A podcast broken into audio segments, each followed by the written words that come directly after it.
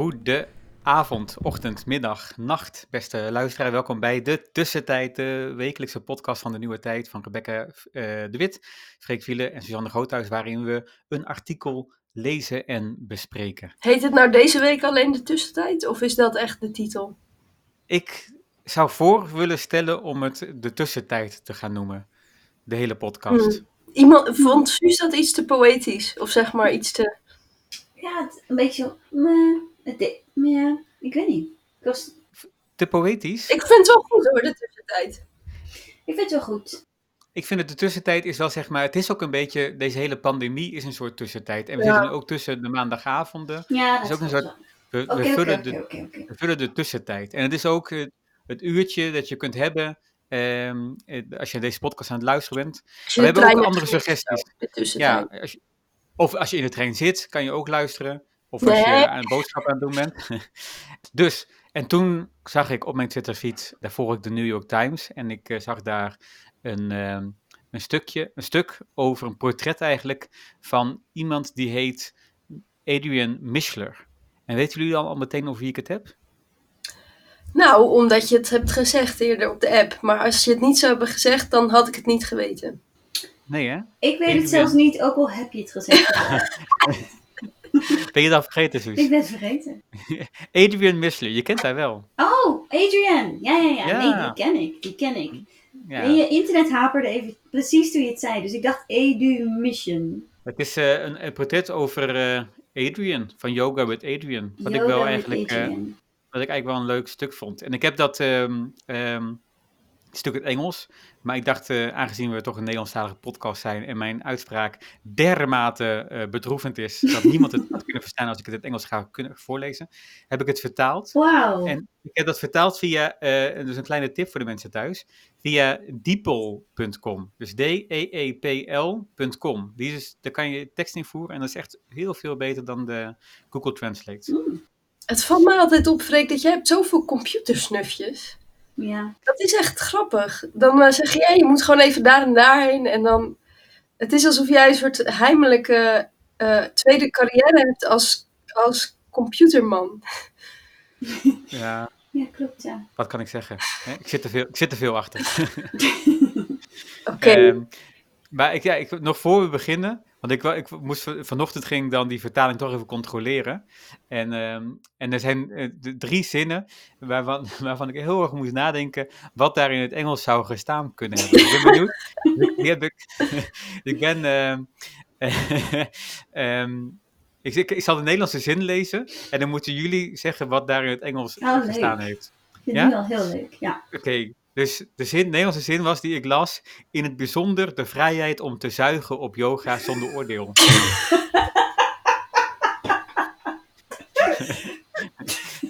Oh! Oh, ik snap het. Oh ja, ik snap het. Ja. Eh, at Ja. yoga. Het is dus... het is niet erg dat je slecht bent in yoga. Ja, ja, precies. Ja, the freedom to suck at yoga without judgment. Nice. En toen kwam ik ook deze tegen. Toen dacht ik ook, wow, hoe zou dat dan, wat zou dat dan zijn? Dat, dat uitkeek op lommerrijke bomen. Lommerrijke bomen. Eh, Maar dat kan toch? Lommerij? Ja, zeker.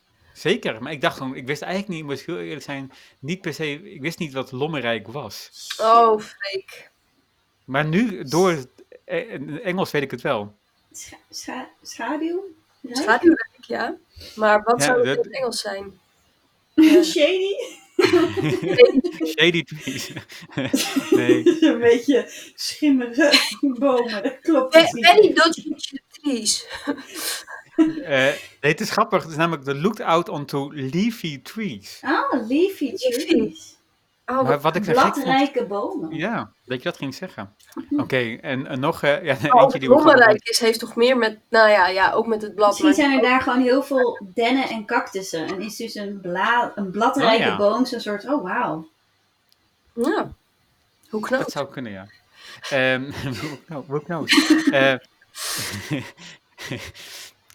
kerel, zei ze, ik ben verrukt door mijn zaden.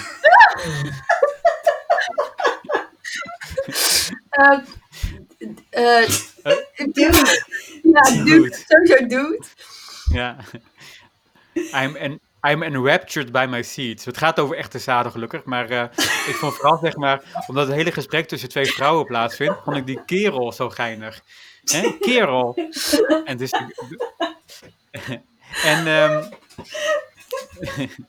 en dan de laatste. Okay. Um, een van haar vroege leerzame optredens.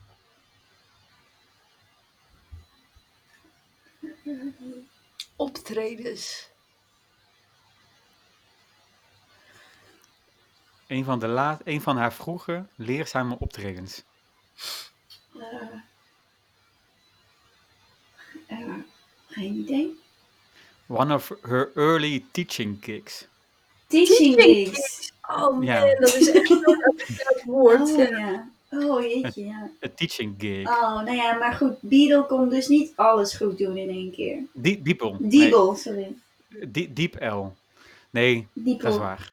Oké, okay, dan beginnen we nu aan, aan, aan het stuk. Het is geschreven door Molly Young.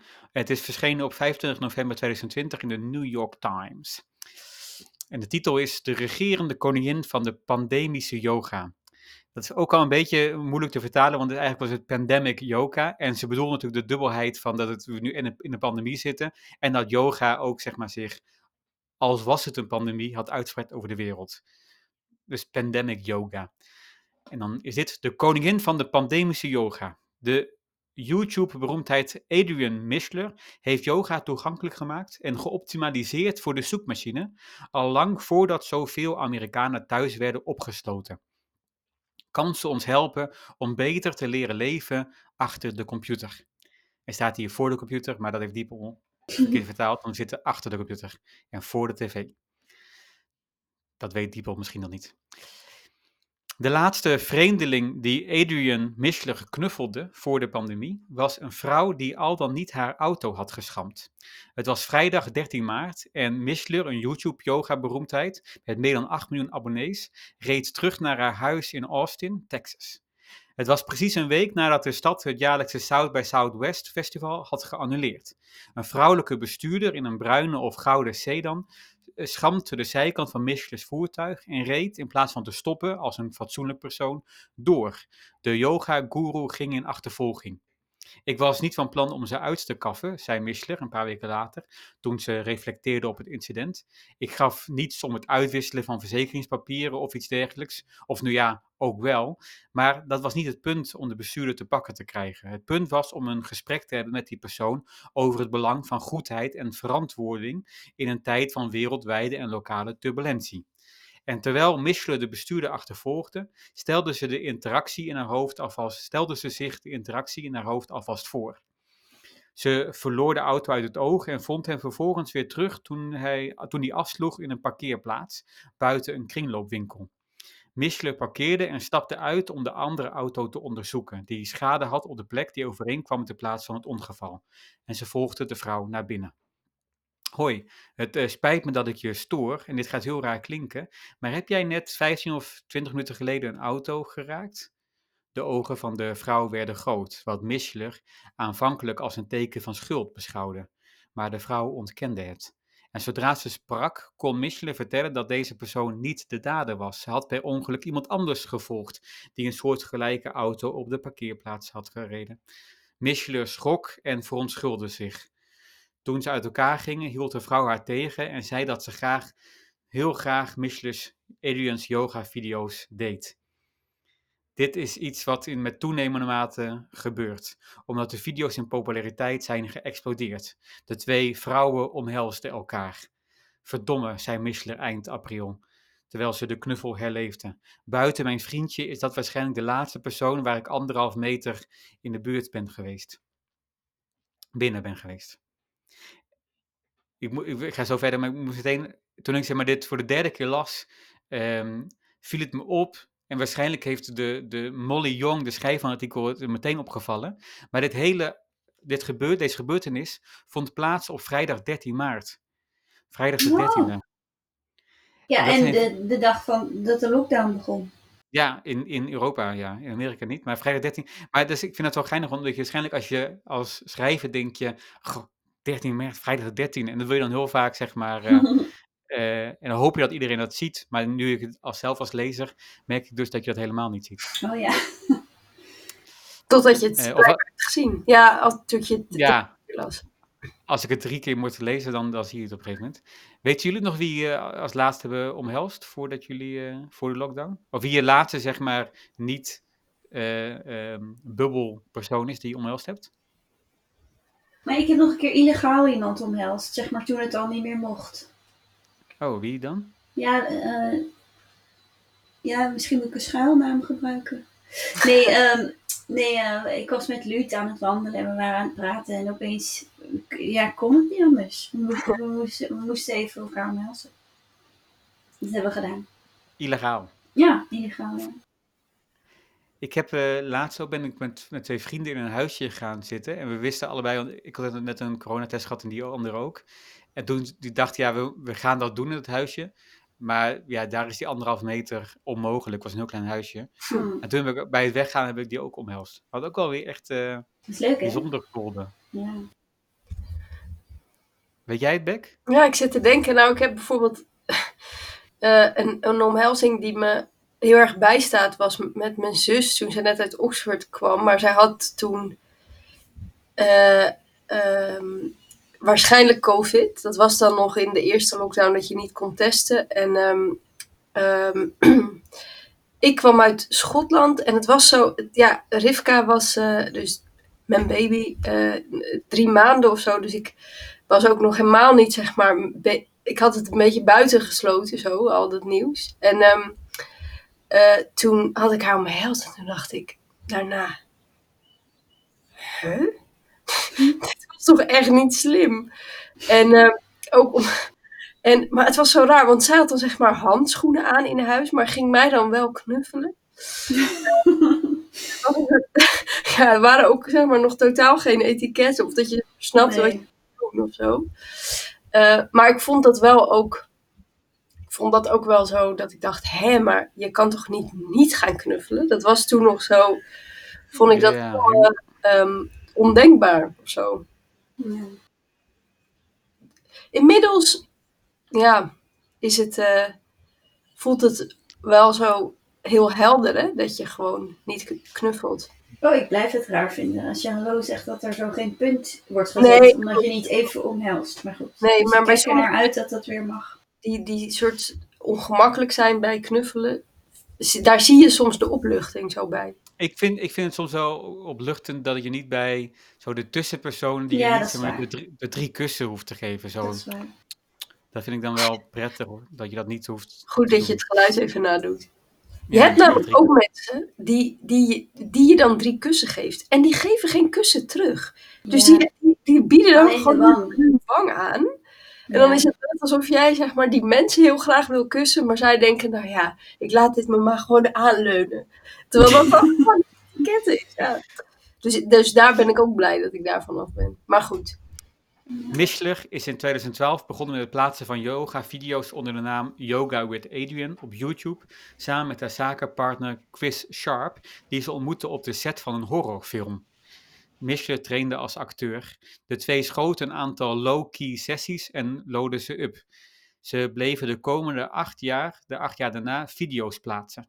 Yoga voor senioren, yoga voor skaters, yoga voor lijden, yoga voor de core en de booty, yoga voor diabetes, yoga voor gewichtsverlies, yoga voor een saai moment, yoga voor winterblues en nog veel, veel meer, waaronder een pose om je te helpen scheten te laten.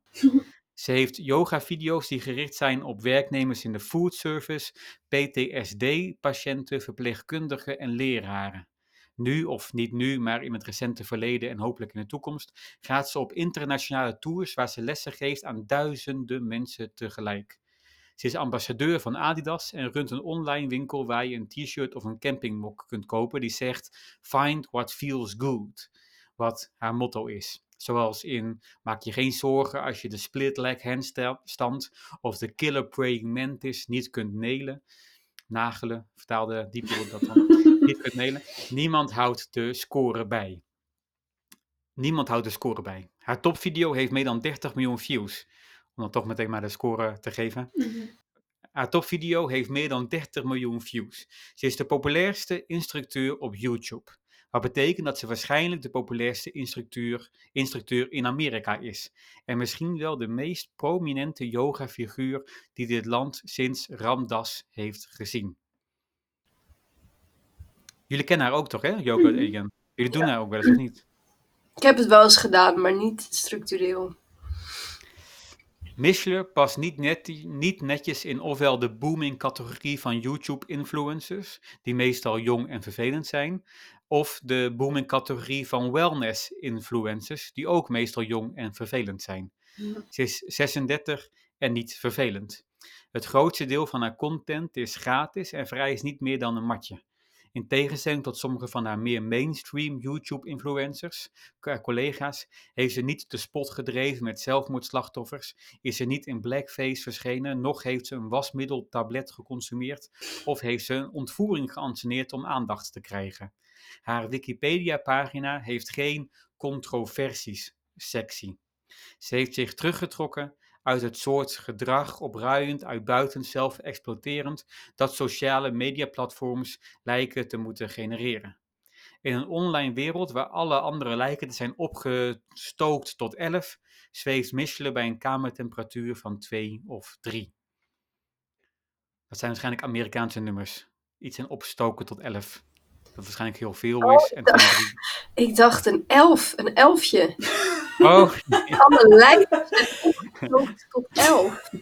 Ik dacht, nee. het wordt geformeerd tot een ja. soort elf. Mm, nee, heel goed dat ik het toch even heb ge- Ja. ge- geduid. ja. Het is meer dan 10, denk ik. Zeg ja, maar. ja. Dus eh, niet tot, tot 10, maar tot 11 zelfs. Haar meest bekeken video, die van 2013, opent met een vrolijke Michelin die voor een paar ramen zit die uitkijken op lommerrijke bomen. Haar boven- en onderkant van haar pakje zijn iets verschillende tinten zwart. Vandaag hebben we de sequentie voor de absolute beginner, zegt ze. Alles wat je nodig hebt is je lichaam en een open geest. De sequentie is gemakkelijk, zelfs voor een beginner, en besprenkeld met woorden van geruststelling. Niets bijzonders, geen zorgen, geen problemen. Onthoud, er is hier geen goed of fout. Neem je tijd, geen haast. En terwijl Michelin de kijker door de posters leidt, is haar stem die van een kleuterjuf. Geduldig en bemoedigend. Een zelfverzekerde gids in een onbekend landschap vol hindernissen en wonderen. Gefeliciteerd met het feit dat je zo ver bent gekomen, roept ze aan het eind van de 23 minuten van harte. Horen jullie Rivka? Of niet? Ja, maar Nee. dat is niet, wel een gezellig geluidje. Ook al Weer te slapen. zei het misschien niet zo leuk, maar ja. Twee ongekende gebeurtenissen deden zich voor terwijl ik de video volgde. Eén, ik vond het leuk om yoga te doen. En twee, ik, een chagrijnige volwassene, was onbewust bezig met een influencer. En toen ik klaar was, voelde ik me beter over mezelf. Yoga kan verwijzen naar een filosofische traditie of naar een urenlange les in langzame gymnastiek met een vrome blik. Het is eindeloos opnieuw uitgevonden en herverpakt en herzien over tenminste twee millennia, hoewel wat we zouden herkennen als de huidige yoga grotendeels een product is van de afgelopen 150 jaar. De stereotype Amerikaanse yoga-doener is vrouwelijk, wit en woont aan de kust. En is bovendien slank, flexibel en in staat om instructies te snappen als trek je navel naar je ruggengraat en verleng je staartbeen. Een van Michelin's waardes is zachtmoedigheid, wat haar contrasteert ten opzichte van de girlboss machines als Y7, die de uitdrukking We Flow Hard heeft gebrandmerkt en zichzelf alarmerend beschrijft als zweetdruppelende beat-pumping candlelight yoga. Eh, of core power yoga, die intense Instagram post heeft als What you sweat is what you get en Friends don't let friends skip yoga. Ze is ook een heilzame houvast in een landschap dat al jaren gekenmerkt wordt door sketchy onthullingen. Er zijn seksueel getinte beschuldigingen tegen yoga-instructeurs, rapporten van ongepaste aanrakingen in de lessen, de sluiting van een landelijke keten genaamd Yoga to the People in het kielzog van een vermeend wangedrag. Er is de Netflix-documentaire uit 2019 over Bikram yoga-impresario Bikram Shuthuri met de sinistere titel Bikram Yogi, eh, Bikram, dubbelpunt, Yogi, Guru, Predator. Maar bovenal biedt Michelin privacy. In het bijzonder de vrijheid om to suck at yoga zonder oordeel.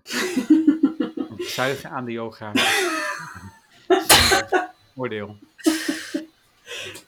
Om deze reden lijkt ze misschien mensen aan te trekken buiten het normale profiel van een yoga-doener. Onder een video genaamd Yoga voor werkmannen en vrouwen staan opmerkingen van mensen die zich identificeren als pijpfitter, mijnwerker, conciërge, vaatwasser, vaatwasser, eh, eh, eh, Afwas. Ja, afwassen. afwasser, ja, ik identificeer mezelf als vaatwasser. Ik word dagelijks in en uitgeruimd. En dan- Freek, even tussendoor. Ik moet wel zeggen dat ik het echt een meerwaarde vind dat je het door een vertaalmachine hebt gedaan. Dat levert Ja, ja. allemaal een hele goede kap op. Ja. Eh, metselaar, elektricien, monteur en landschapsarchitect. Die ik persoonlijk in het hele rijtje wat eh, eh, eh, gek vind. Echte werkmannen. Misschien De de, de- het metselaar, eh, misschien ja. Landschap. Ja, landscaper waarschijnlijk gewoon. Ja. Landscaper is een, is een, is een tuinman. de, Maar ook van een. Platoendienst eigenlijk, ja. Maar ook van een aantal boeren en bouwvakkers. Net wat ik nodig had na een dag van sloopwerk, schreef één persoon. Een ander schreef, ik ben 47 jaar, ik ben een 70 47 jaar oude klusjesman in Dallas. Ik kan niet geloven hoe dit me door de dag heen helpt. Elke ochtend tot nu toe. Wordt dit steeds beter? En hij kwam later terug om te reageren op zijn eigen commentaar. Het wordt steeds beter en beter. Per definitie trekt Michelin's filmpje mensen aan die hun die filmpjes mensen aan die een toevlucht zoeken. Maar de uitzonderlijke kwaadaardigheid van 2020 heeft zowel haar video's als de houding van haar fans versterkt. Volgens Michelin's team is er in de eerste drie maanden van de pandemie dit jaar een sprong in de cijfers te zien. Van gemiddeld 500.000 naar anderhalf miljoen views per dag. wow. Er zijn verzoeken in de reacties voor video's over thuiswerken, het omgaan met slapeloosheid. Voor, voor Halloween bracht Mishler met een eh, skelet aan, bracht, bracht een skelet aan op haar gezicht en maakte een video genaamd Yoga for When You Feel Dead Inside. De, de reacties voelden als een soort wereldwijde emotionele thermometer. Iemand met de naam Joel postte dat hij zich op dit moment meestal dood voelde van binnen, maar keek uit naar het uitproberen van de video. Oh, Een ander commentaar legde uit dat ze pas thuis was gekomen uit een COVID-ziekenhuisopname en dat ze zich in feite ook letterlijk dood voelde van binnen. Mischle werd gecertificeerd als yoga-instructeur nadat ze vroegtijdig haar middelbare school had verlaten en later pas staatsexamen deed. De beslissing om haar middelbare school af te maken had minder te maken met een afkeer van de middelbare school dan met serieus te willen worden genomen als acteur en als persoon in die volgorde. Het was in deze periode dat ze de lessen die later de sleutel tot de YouTube-video's zouden worden internaliseerde. Om een goede acteur te zijn bijvoorbeeld moest een persoon haar lichaam en haar psychologie kennen. Ze moest een leven van introspectie ontwikkelen, zodat ze bij het spelen van Lady Macbeth, of wat dan ook, relevante Lady Macbeth-emoties uit haar innerlijke mijn kon halen. Het is het lichaam, het is de adem, zeggen, zegt ze. Het is de stem, het vinden van je stem. Het is bewustwording. Een van haar eerste leservaringen, one of her early teaching gigs, vond plaats in de lobby van het kleine theater in Austin, waar ze lid was van het gezelschap. Ze kwam vroeg aan, liet zichzelf binnen, haalde een stapel matten uit de auto en verspreidde ze over de vloer. Leerlingen betaalden voor de les in donaties. Een vrouw betaalde in groenten. En juist toen de dingen begonnen te lopen, toen mensen vanuit San Antonio naar haar toe reden en na de les om foto's vroegen, verloor het theatergezelschap zijn huur. En de onderwijsruimte van Michelin verdampte. Ze werd gedwongen tot virtueel ondernemerschap. De eerste Yoga with Adrian video is nog steeds te zien op Michelin's kanaal en het bevat zowel een West Story referentie als de eerste van vele uitnodigingen voor kijkers om te vinden wat goed voelt. voelt. To feel what finds good. Eind 2014 had het kanaal meer dan 150.000 abonnees. In 2017 was dat 2,4 miljoen. 4 miljoen het jaar daarna. Deze bekendheid heeft zich overigens niet vertaald in status binnen het yoga-landschap. Ze is bijvoorbeeld nooit op de cover van het Yoga Journal gekomen. In sommige opzichten sluit Michelin's praktijk aan bij de grotere trends van de westerse yoga. Het is atletisch en enigszins gedespiritualiseerd. Gedespiritualiseerd. Het verzoent op magische wijze de paradoxale verlangens naar decadentie en ascese. Tijd nemen voor jezelf, je lichaam eren. Ascese? Ascese? Ascese, toch? Ascese. Ja, ja, misschien wel, ja. Het verzoent op magische wijze de paradoxale verlangens naar decadentie en ascese. Tijd nemen voor jezelf, je lichaam eren, wilderig in een moment vrij van verantwoordelijkheden, decadentie. Het concentreren van de geest, het versterken van de geest, het uitzweten van de giftige stoffen, ascetisch. Maar haar afwijkingen van de norm zijn significant en ze beginnen met haar aanwezigheid. Hoewel Michele zichzelf omschrijft als white passing, is haar moeder Mexicaans en was ze de eerste van twaalf broers en zussen die naar de universiteit ging. En haar bedrijf is, om het in termen van de industrie, industrie te zeggen, niet geoptimaliseerd voor winst. Michelin's operationeel directeur vertelde me dat ze 250.000 tot 500.000 dollar per jaar in advertenties aan zich voorbij laat gaan. Michelis verdient wel een comfortabel inkomen uit YouTube-advertenties, maar in tegenstelling tot veel influencers weigert ze, de om, weigert ze om reclames die je zouden kunnen informeren over concurrerende tarieven op de autoverzekering, terwijl ze tegelijkertijd vastzitten in in een extended talk positie, in het midden van haar video's te plaatsen. Ze heeft aanvullende cursussen te koop en de online t-shirtwinkel. Maar er is ook genoeg gratis yoga op haar kanaal om de meeste mensen een leven lang aan de gang te houden. Het is het internet-equivalent van een aan de kant van de weg winkeltje waarin je je geld achter moet laten in een kartonnen doos. Zij het een vrij lucratieve. In essentie grijpt Michelin's versie van het internet terug naar de tijd van de primitieve message boards en geocities. Toen iedereen nog onschuldig verblind was door de mogelijkheid om zich te verbinden met willekeurige mensen over gedeelde interesses. En niemand wraak porno verspreidde of oesies kocht op het dark web. De Yoga with Adrian gemeenschap ontvangt haar diensten met een soort van expansieve dankbaarheid en positiviteit die bijna griezelig voelt in de context van sociaal, sociale media. Het scrollen door de reacties onder een video van een prachtige vrouw in strakke kleding is meestal een recept voor suïcidale gedachten. A recipe for suicidal thoughts. Maar niet letterlijk een recept. Um, is meestal verschrikkelijk. Maar er is een griezelig gebrek aan trollen in Michelin's Rijk. Een deel van dit, zegt ze, komt omdat YouTube de makers in staat stelt om bepaalde woorden weg te filteren. Uh, godlastering en anatomische taal, bijvoorbeeld.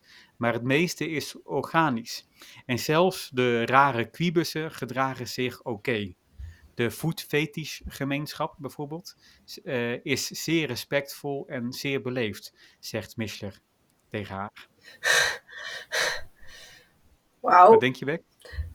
Nou, het klinkt alsof de food fetish gemeenschap een gemeenschap is die zeg maar een respectabele partij is met wie je moet onderhandelen over comments of zo. Maar uh, ja. ik, tot, tot, tot jij dit woord zei, wist ik niet dat, dat er zoiets was. Als een food fetish gemeenschap. Ja. Ja. Nee, ze zijn dus uh, in, tegen Michelin in ieder geval zeer respectvol en zeer beleefd. Ja. Nou, valt me alles mee. ja. Op een woensdagavond dit voorjaar hebben we samen gegeten op Zoom. Met Michler, die geniet van een kom zelfgekookte gele curry. En ik, die niet geniet van een kom havermout. Ik was zonder boodschappen te komen zitten. De verbinding was slecht en bevroor vaak, waardoor brokken van het gesprek wegvielen. De interactie met een deels uh, bewerkt persoon voelde als een passende metafoor voor wat dan het socialiseren van nu heet. De groenten in Michelin's curry kwamen van lokale boerderijen, maar ze keken eruit om te koken met de groenten die ze in haar tuin had geplant. Sla, paprika, pompoen. Kerel, zei ze, ik hou van mijn zaden. De zonneschijn stroomde door het raam. Benji, haar hond, liep in en uit het zicht. In een poging om een behulpzame... En dat was trouwens voor, mij, voor mij de reden dat ik uh, fan werd van Adrienne. Want het tweede filmpje of zo wat ik aan het doen was, ik had ook nog nooit yoga gedaan eigenlijk. Ehm, En toen kwam die hond opeens voor, voor die camera voorbij gelopen. Toen zei ze, oh sorry, en toen ging ze weer verder. En, en dat vond ik zo gezellig. Dat die hond erbij is. Ja, die hond die doet soms mee. Eh, Ja. In een poging om een behulpzame geïnterviewde te zijn, dacht ze na over het doel van Yoga with Adrian. We creëren een ruimte waarin het niet alleen veilig is, maar, we, maar waar we ook mensen aanmoedigen om zich te engageren in hun zelfontdekking. In tegenstelling tot gewoon iets doen wat goed voor je is, omdat je verteld wordt dat dat goed voor je is. Klinkt dit raar? Dat klonk niet raar. Eigenlijk doof tussen een van de slepende bedenkingen die ik had over het doen van haar video's. Dat was dat ze me eh, een goed gevoel gaven. De meest recente. Oh, die had ik niet, heb ik niet. De meest recente iteratie van zelfzorg. Degene die geco-opteerd is door bedrijven die zweetbroeken en keto cereal verkopen. Is zo, Sweatpants! Een joggingbroek. Sweatpants is een sportbroek. zweetbroeken.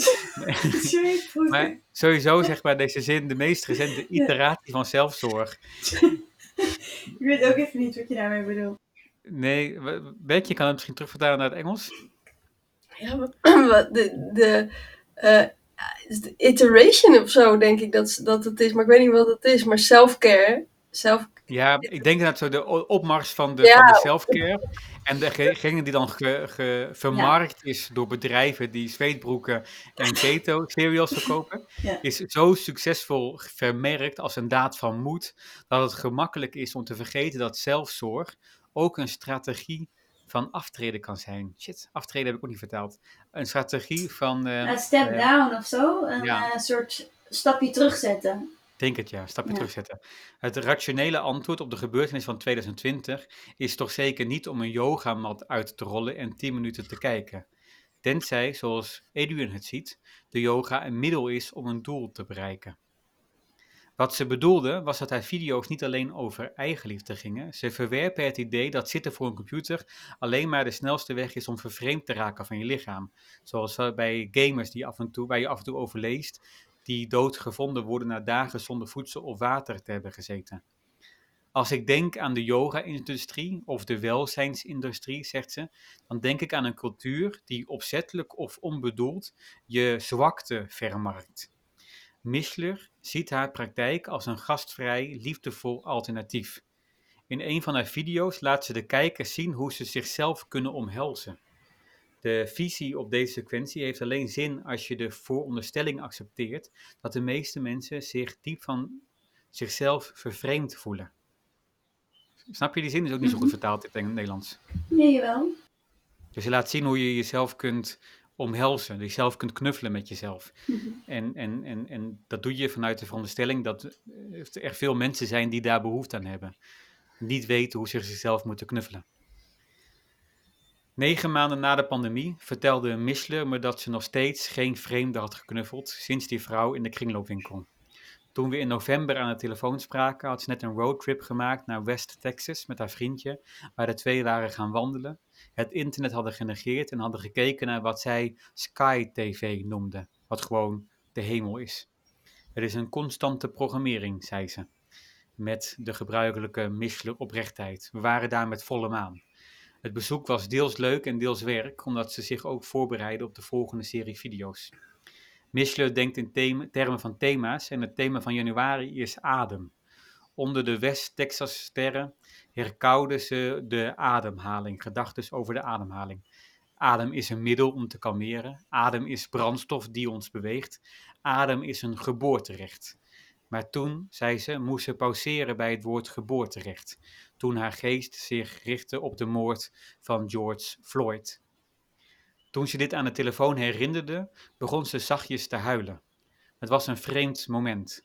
Floyds dood ontstak niet alleen in een van de grootste golven van protesten in de Amerikaanse geschiedenis, maar ook het meest verdorven gedrag in de geschiedenis van de influencers, die dingen deden als poseren voor de protesten met golvend blond haar en gewaagd rode lippen.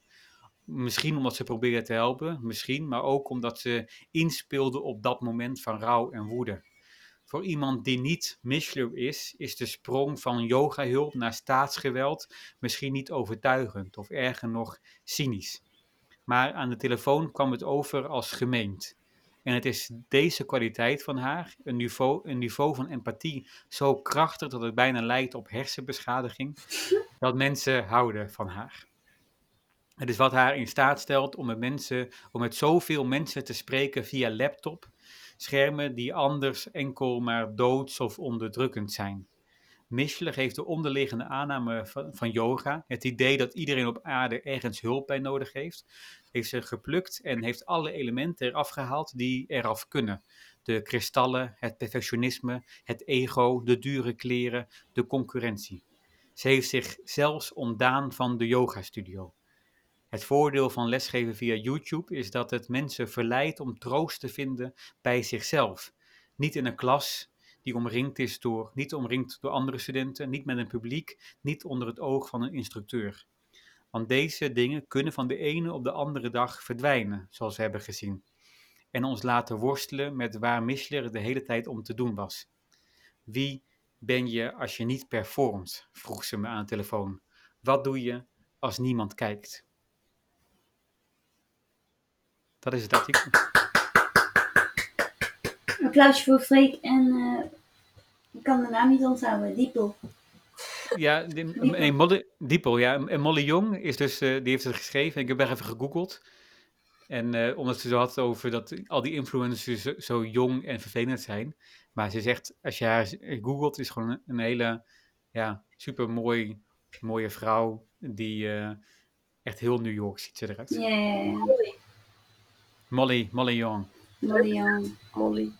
Um, maar uh, die laatste zin, wacht even, ik, ik heb even de context niet mee. Dus zij, zij zijn met elkaar aan de telefoon. Ja. En ja. dan um, uh, zegt ze, dus in dat gesprek heeft ze het over George Floyd. En dan uiteindelijk gaat, zegt ze, gaat het er om wie ben je als je niet performt. Mm -hmm. Ja, dus haar, ja, dus... Wie ben je als niemand kijkt? Ja. En is dat wel grappig of zo? Want, want dat hele. Hoe kan je dat nou bereiken als je je scherm hebt openstaan? Heb je dan niet altijd een soort gevoel van. Um, bekeken te worden, toch of zo? Of, of met zo'n YouTube-kanaal? Maar. Nee, ik heb, ik heb het gevoel dat je, dat je inderdaad in je woonkamer naar haar zit te kijken. En zij op een andere manier connectie met je maakt, maar niet per se het gevoel geeft dat ze jou in de gaten houdt of zo. Ja, ja, ja. Dus je bent best wel privé. En ik ben inderdaad, als je zo'n paar keer naar zo'n yoga studio gaat, dat vind ik altijd, dan gaat iedereen zeg maar heel erg zijn best doen. En dan, ik weet niet, dat is een heel andere sfeer. Ja. Het voelt inderdaad heel privé en dat hele verschrikkelijke woord, zeg maar me-time of zo, dat is denk ik wel dit of zo. Dat je even alleen bent en iets doet voor jezelf. Ja. Ja, het is wel geinig, ja. Want ze heeft inderdaad, Adrian heeft de, de, de kwaliteit om door dat scherm tot jou te spreken of zo. Hè? Mm -hmm. Ze zegt ook dat zo van, uh, you're doing great of uh, oh, dit voelt goed of zo. En je hebt toch het gevoel dat ze op dat moment na, met jou is of zo. Terwijl je ook weet dat er gewoon, nou ja, dus 4 miljoen mensen naar haar kijken op allerlei verschillende momenten. Um, maar het is ook geinig, want ik doe nu sinds, sinds deze pandemie begon, ben ik, doe ik nu elke zes dagen in de week yoga. Um, via Zoom, omdat een vriendin van uh, mijn vriendin uh, aan het trainen is om yoga-instructrice te zijn. En die wou zeg maar vaker yoga lesgeven. Mm. En het is heel grappig dat ik dat enkel kan, omdat zij naar mij kijkt. Mm, ja. Dus zeg maar, ik kan hele, ik, als, als, als het niet doorgaat, ik, ik heb het zo drie keer gelukt misschien om dan toch in mijn eentje op die mat te gaan liggen. Mm-hmm. Maar ik ga puur, maar dan ben ik ook vaak na zo'n vijf minuten denk ik, nou ja, het is ook wel genoeg geweest. Ik ben wel lekker gestrekt of zo. Terwijl ik doe enkel die sequentie helemaal als zij naar me kijkt. Hey, maar dat is misschien nog wel een goed artikel voor een volgende podcast, want ik heb ooit iets gelezen over dat wilskracht, dat we dat helemaal verkeerd begrijpen. Dat dat eigenlijk een soort spier is die je gewoon de hele tijd een beetje moet trainen, omdat je hem anders gewoon helemaal niet kunt gebruiken. Je kunt niet, je kunt niet zeg maar elke dag opnieuw dat gesprek aangaan van heb ik de wilskracht. Het moet echt een routine zijn waar je niet meer over nadenkt en dan pas Ja, ja. lukt het.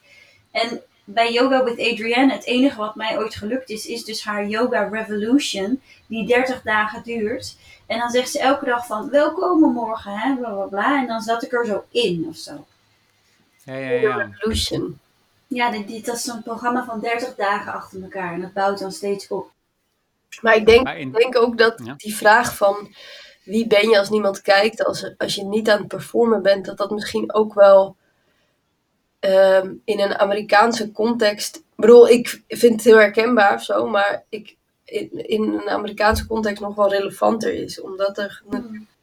inderdaad eh, het, het leven toch een soort performance is. Of je performt jezelf. Of er zoveel zeg maar, manieren om jezelf ehm, in de etalage, of een etalage van jezelf te maken. Dat ik me best wel kan voorstellen dat yoga. Hoe zou dat komen dat wij Amerikanen zo zien? Ehm, nou, in mijn specifieke geval is, eh, moet ik ook denken aan twee boeken die ik heb gelezen over zeg maar, mediastudies. Die dus heel erg gaan over Amerikaanse voorvallen van, van eh, ehm, ja, eh, een, een, eh, hoe je jezelf performt, zeg maar. Dus ik denk ook, dus, dus mijn verbeelding van die cultuur is ook Hmm. via die boeken of zo. Maar ehm, ja, ook omdat je, het, omdat je, als je met Amerikanen praat, dan is het toch altijd heel soort zelfreferentieel. Dus altijd zo, en I was like, en I was like. Dus alles is vergelijkbaar met iets anders of zo. Wat voor mij best wel te maken heeft met, ehm, eh, Ja. ja, ik weet niet, jezelf voortdurend, ehm, eh, je, ja, je, de, dus zeg maar de narrator zijn van je own story of zo. En, Mhm. en dus die, ze zijn ook, dat verbaast mij dus ook altijd dat Amerikanen verbaal zo sterk zijn. En, en dat is ook een van de, volgens mij is daar ook zo'n onderzoek naar gedaan, dat daar ook, dat dat maakt dat in onderhandelingen wereldwijd ehm, eh, Amerikanen niet alleen door taaloverwicht, maar ook gewoon door hun, hun retorische talent, wat gewoon echt al vanaf klein, zeg maar, wordt, eh, ze worden zo getraind om, zeg maar, publiek te spreken en een pu- publiek te zijn, dat, dat, ehm, dat zij op, on, ja, op zijn Verenigde Naties en zo heel goed uit de verf komen en, en dus onderhandelingen winnen. Maar goed, dit terzijde, maar ik denk dat voor, voor die, wanneer, wie ben je als je niet performt, ehm, voor Amerikanen best wel een. Nou ja, goed, voor ons natuurlijk ook, Jezus. Ja, wij hebben ook gewoon natuurlijk. Nee, maar ik vind, niet, ik vind niet gek dat Yoga with Adrienne een, een vrouw uit Amerika is. Die de- en niet, en niet een, een Duitse yoga-lerares of zo. Misschien dat Merkel als ze straks stopt. Nou, Ja, ja, ja. nee, zeg maar. Nee, ik zat na te denken over wat, wat Rebecca nou zei. Want ik, ik, ik heb het denkstapje zelf niet helemaal over het, het, de narrator zijn van je eigen, eigen verhaal. En dan in combinatie met, met, met dat je daardoor zelfbewust wordt. Mhm. En, en, en dat je vanwege die zelfbewustheid altijd. En, eh, en dat Joke het Alien uitnodigt om proberen die zelfbewustzijn los Nee, te het is laten. niet per se dat je zelf bewust wordt, toch? Je, je, je staat centraal. En, ik bedoel, het kan zijn dat je de hele tijd om je heen kijkt in plaats van naar jezelf. Maar je plaatst wel jezelf steeds. Ja, Nou, wat ik bedoelde, ja, het is dat inderdaad. Jezelf centraal stellen, maar ook in combinatie inderdaad met op het moment dat je dus he- de he- voortdurend praat over je leven en een verhaal hebt over je leven wat de hele tijd maar doorgaat en je bent zeg maar de, de, de, de hoe noem je dat, de voice-over ook van je eigen leven, dan perform je je eigen verhaal de hele tijd. Dus, dat, dus Ja, ja, ja. er zit een soort, er is een representatie van jouw leven in het, ja, in eh, zeg maar de biografie die je al eh, ehm, oraal geschreven hebt, bij wijze van spreken. En daar, dat, het lijkt me dat yoga best wel een goede poging is om zeg maar die verteller een beetje zo de mond te snoeren. Maar dat heeft natuurlijk deels te maken met jezelf uit het centrum halen, als met, met dus minder performen. Maar ik denk, zij zal dat interessant vinden, ook als influencer, hoe zij dat dan anders doet dan andere influencers. Maar ik denk voor die tuinman en eh, mijnwerker en zo die op die video's reageren, dat het vooral toch gaat over dat iemand connectie met hen maakt en voor hen zorgt of zo, door dat computerscherm heen. Daar zit Nou ja. denk ik de grote populariteit of zo. Ja, maar ook toch wel dat ze zeg maar dat het een tijd is waarin je zijn hoofd ook wat, wat het zo goed maakt voor is dat zij zich zeg maar zegt oké voel maar even je lichaam Mhm. en dat, en dat gebeurt natuurlijk ook zeg maar niet heel veel in deze maatschappij waarin je toch heel erg in je hoofd zit of zo dat je heel veel beelden krijgt en als, je, en als iemand tegen je zegt oké voel hoe lig je erbij hoe, hoe, hoe, hoe voelt je lichaam voelt het goed of niet goed dat zijn natuurlijk ook hele wezenlijke basale Ja, en zelfs vragen. dat is misschien wat abstract, maar zij zegt er vaak nog dingen bij als... Het is zo goed dat je eventjes wat tijd neemt voor jezelf. Of weet, dat, dat is best ontroerend als iemand zeg maar de hele dag aan het rennen is. Dat iemand dat opeens tegen je zegt. In die 20 minuten dat je even tijd voor jezelf hebt gemaakt. ja. dat, dat, het valt me wel op dat zij daar inderdaad niet in een soort abstracte voel je lichaam, want ik weet dan vaak niet wat iemand bedoelt. Dat ze nog andere dingen eraan toevoegt of zo, die, die, die het dan nog concreter maken als een soort zelfzorg of zo. Ik vond het ook wel speciaal dat uit het artikel dat ze dan heeft, of adem koppelt aan George Floyd, wat natuurlijk heel ook logisch is, maar ik merkte dat in mijn hoofd die twee dingen zo losgekoppeld zijn. En dat heeft dan in, in mijn waarschijnlijk te maken met dat je dat het heel vaak gebruikt wordt als een soort ruimte om dingen te vergeten of zo. En ook vaak bekritiseerd daarom, dat het zeg maar depolitiseert of zo. Maar dat adem, ik vond best wel, ja, dat zij dus adem, wat, wat je dan in yoga natuurlijk heel erg, adem als kalmeringsmiddel, maar dat het adem als geboorterecht best wel een mooie zin, mooie, mooi. Het is wel geinig. Ik ben zo een, ehm, eh, naar een ehm, klooster geweest, naar, naar van de, de, Plum Village. Dus een, een, een klooster ja. van, van, van, van, van eh, eh, Een soort boeddhistisch klooster, Ja. toch? Ja. Ja, ja, een vriend van mij die is daar ingetreden als, eh, als eh, monnik. En ik heb er zo'n week meegedaan. Maar daar was ook zo, maar dat is natuurlijk in mijn leven heb ik wel vaak over, over nagedacht. Aan de ene kant zeg maar het accepteren van hoe de wereld is, versus het willen veranderen van hoe de wereld is. En dat zijn, is ook een heel lastig thema. Aan de ene kant wil je inderdaad zo proberen te zeggen, oké, zo is de wereld nu eenmaal. Ik, ik, ik moet hiermee dealen. Eh, en tegelijkertijd zijn er dingen waar je denkt, ja, dit zou echt beter moeten. Ja man, En ze, ja, ze hadden daar wel mooie dingen over te zeggen. dat, dat zeg maar Martin Luther King aan yoga, zeg maar tijdens de yogalessen dacht, nou ja, god, oké dan of zo. Nee, maar, maar het is dus de geinig is dat het, dat het ook niet zo gebeurt door die monniken. Je hebt hele, zeg maar, heel veel ehm, eh, eh, eh, monniken die echt protesteren en die wel ja. de barricade op gaan. Ja, ja je hebt ook de, mo- de Monks for Climate, zeg maar, heel nu ja, die klimaatactivisten, ja. ja, en juist zeg maar met het idee, dus, dus, dus, dus- en ik- het beeld wat ze had was dat je zeg maar zo twee handen, want ik vroeg dat ook aan, aan, aan, die, aan een, Hmm. een non daar, ehm, aan een zuster bedoel ik. En, en die had ook wel een mooi beeld erover, dat je zo moet, een, een, een, je moet je tempel, ja, en dat is dan de wereld, ook wel bewaken en schoon houden. En mooi houden. En voor zorgen. Ja. De tempel is de wereld. Ja. Wel grappig. Ik had een ander beeld, maar ik ga het op, ga nog opzoeken. Kom er volgende week op terug.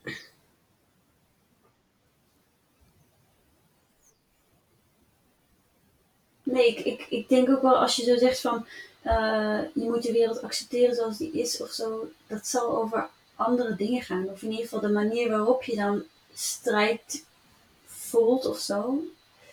Hey, die strijd moet er wel zijn, maar hoe je hem voelt is misschien eh, van belang of zo. Hey, zeg ik iets Ja. wat logisch is? Of? Hey, ik moest nu denken aan dat zo'n stukje voorbij kwam in een TED-talk over dat, dat je zeg maar door empathisch te zijn het niet met iemand eens bent. Dat dat zo'n misvatting is. Maar dat je zeg maar open bent in plaats van tegen Ja. of zo. Of, ik weet het niet. Nou ja, daar moest ik aan denken. Ja, ik snap het. Ik snap de associatie. Oké. Oké, ik vond het wel een mooi verhaal. Ik vind het, wel- het leest als een, het, het was een beetje een verhaal wat je over iemand vertelt. Zo'n succesverhaal, maar wel fijn of zo. Ja. Ja. Ook wel heftig. Ik wist dat niet, man. Van die influencers die dan zo bij die protesten gaan staan. En allemaal wit dan waarschijnlijk ook. Toch niet te geloven. Ja, Nee, en, nee, en ook die reclames op YouTube, dat, wat ze dus allemaal niet doet. Als je daar even over nadenkt, wat dat allemaal zou kunnen zijn. Dat je inderdaad elke 10 seconden iets tussen die video in krijgt. Ja man, ik ben echt teleurgesteld in de Oh, reclames. Ik, weet nog zo goed dat ik zo dacht toen we de, de, de- dat ik bij de tv de reclames zo irritant vond. En dacht ik, oh yoga. Oh nee, yoga. Oh YouTube, daar is geen Ja. reclames. Oh. En het is nu echt de hele Het is tijd gewoon, zeg maar. En wat ook echt crimineel is bij, zeg maar dan een babyprogramma, dan kijkt Francis, die nu bijna twee is, naar iets op YouTube. Ja, dat, dat moet je dus gewoon echt niet doen. Daar komen gewoon elke 10 seconden gewoon autoreclames en deodorant en er tussendoor. nou ja. Echt waanzin, ja. Ja, je hebt wel En dan adblockers. is het zeg maar Ja. TikTok waar ze naar kijken. Dus niet TikTok, maar TikTok. Ja. Dus met de blokjes Ja, en zo. En daar komt dan die shit tussendoor. Dus. Er komt reclame in TikTok. ja, ja, dat is ook echt, dat is wat gewoon Ja, echt een probleem is nu. een auto kopen, zeg maar. Dat is een soort Nee, het is ook echt, heel raar target audience. ja, daar wordt, nee, het- dat maakt niet uit. Het wordt gewoon video's met veel views, worden gewoon die dingen ingepropt. Ik vond dat trouwens ook wel, dus de podcast die ik luister, best wel heftig dat gewoon de hosts ook echt zeggen van, eh, nou, goedemorgen beste luisteraars. Ehm, als je een goed matras wil, zeg maar, dan gaan ze nog even een reclame. dat vind ik echt ja. Maar goed, dat is de, dat je dus dat de stem die zeg maar gaat zeggen, ehm, die het dan heeft over zeg maar het kapitalisme, gaan bekritiseren met een of andere econoom, dan even ook nog zeg maar reclame gaat maken voor een matras en met en woorden gebruikt die hij daarna ook in die show gebruikt. Ja. Ja man, bij reclame is natuurlijk sowieso zo'n gekke industrie. Ik bedoel, als je dat niet... Ik had er nooit zeg maar op gedacht dat dat zeg maar succesvol zou kunnen zijn. Nee. Als je zeg maar van niks zou weten, zou je niet denken... Oh, weet je wat, we gaan alle dingen gaan we bekostigen door bedrijven die graag willen zeggen tegen dat publiek wat je hebt, kom bij ons shoppen, Ja. zeg maar. Dan je te denken, ja, er zit, oké, misschien zijn er een paar bedrijven die dat willen doen, maar dat alle bedrijven dat zo, zo hard willen, waardoor zeg maar al die mensen rijk kunnen worden van reclames maken. Dat is heel gek. Misschien wordt dit wel zoiets waar je over 100 jaar, net zoals dat ik altijd denk aan die mannen met die gekke pruikjes op hun hoofd, 100 jaar geleden. Misschien wordt het over 100 jaar, want ik denk, mensen deden zoiets geks doen. Ik hoop het man. Even tussendoor, mijn, mijn eh, maag begint te rommelen. Wat je volgens mij hoort op de microfoon. Ik heb heel honger. Nee, we gaan afsluiten. Ik ga dit laatste een beetje opknippen. Ehm, dus eh, beste eh, luisteraar, dankjewel. We gaan- Volgende week zijn we er weer. Misschien moeten we eh, mocht- nadenken over wie kan adverteren in deze podcast. Ja, mocht je nou heel graag iets willen verkopen, dan, dan kan je ons laten weten. Ook sowieso, als je reacties hebt, vinden we het heel leuk om te horen via onze Ja. social media accounts. En als je bijvoorbeeld een artikel leest deze week. Shout-out. We doen een shout-out, maar ook als je deze week een artikel leest waarvan je denkt, nou, ik ben wel benieuwd wat Rebecca of Suzanne ervan vindt, dan kan je dat ook uh, doorsturen. Nou, ik kreeg een suggestie van iemand, alleen was het een beeldverhaal. Dus het waren allemaal foto's. Toen dacht ik, ah, dan Oh. moet ik nog even nadenken hoe ik dat dan... De- het was een serieus bedoeld suggestie? Ja, het was serieus bedoeld. Maar dus bij voorkeur een, een, een tekstartikel. Ja. Ja, iets dat op een podcast overgebracht kan worden. Ja. Oké, tot later. Doei doei. Oké, dag jongens.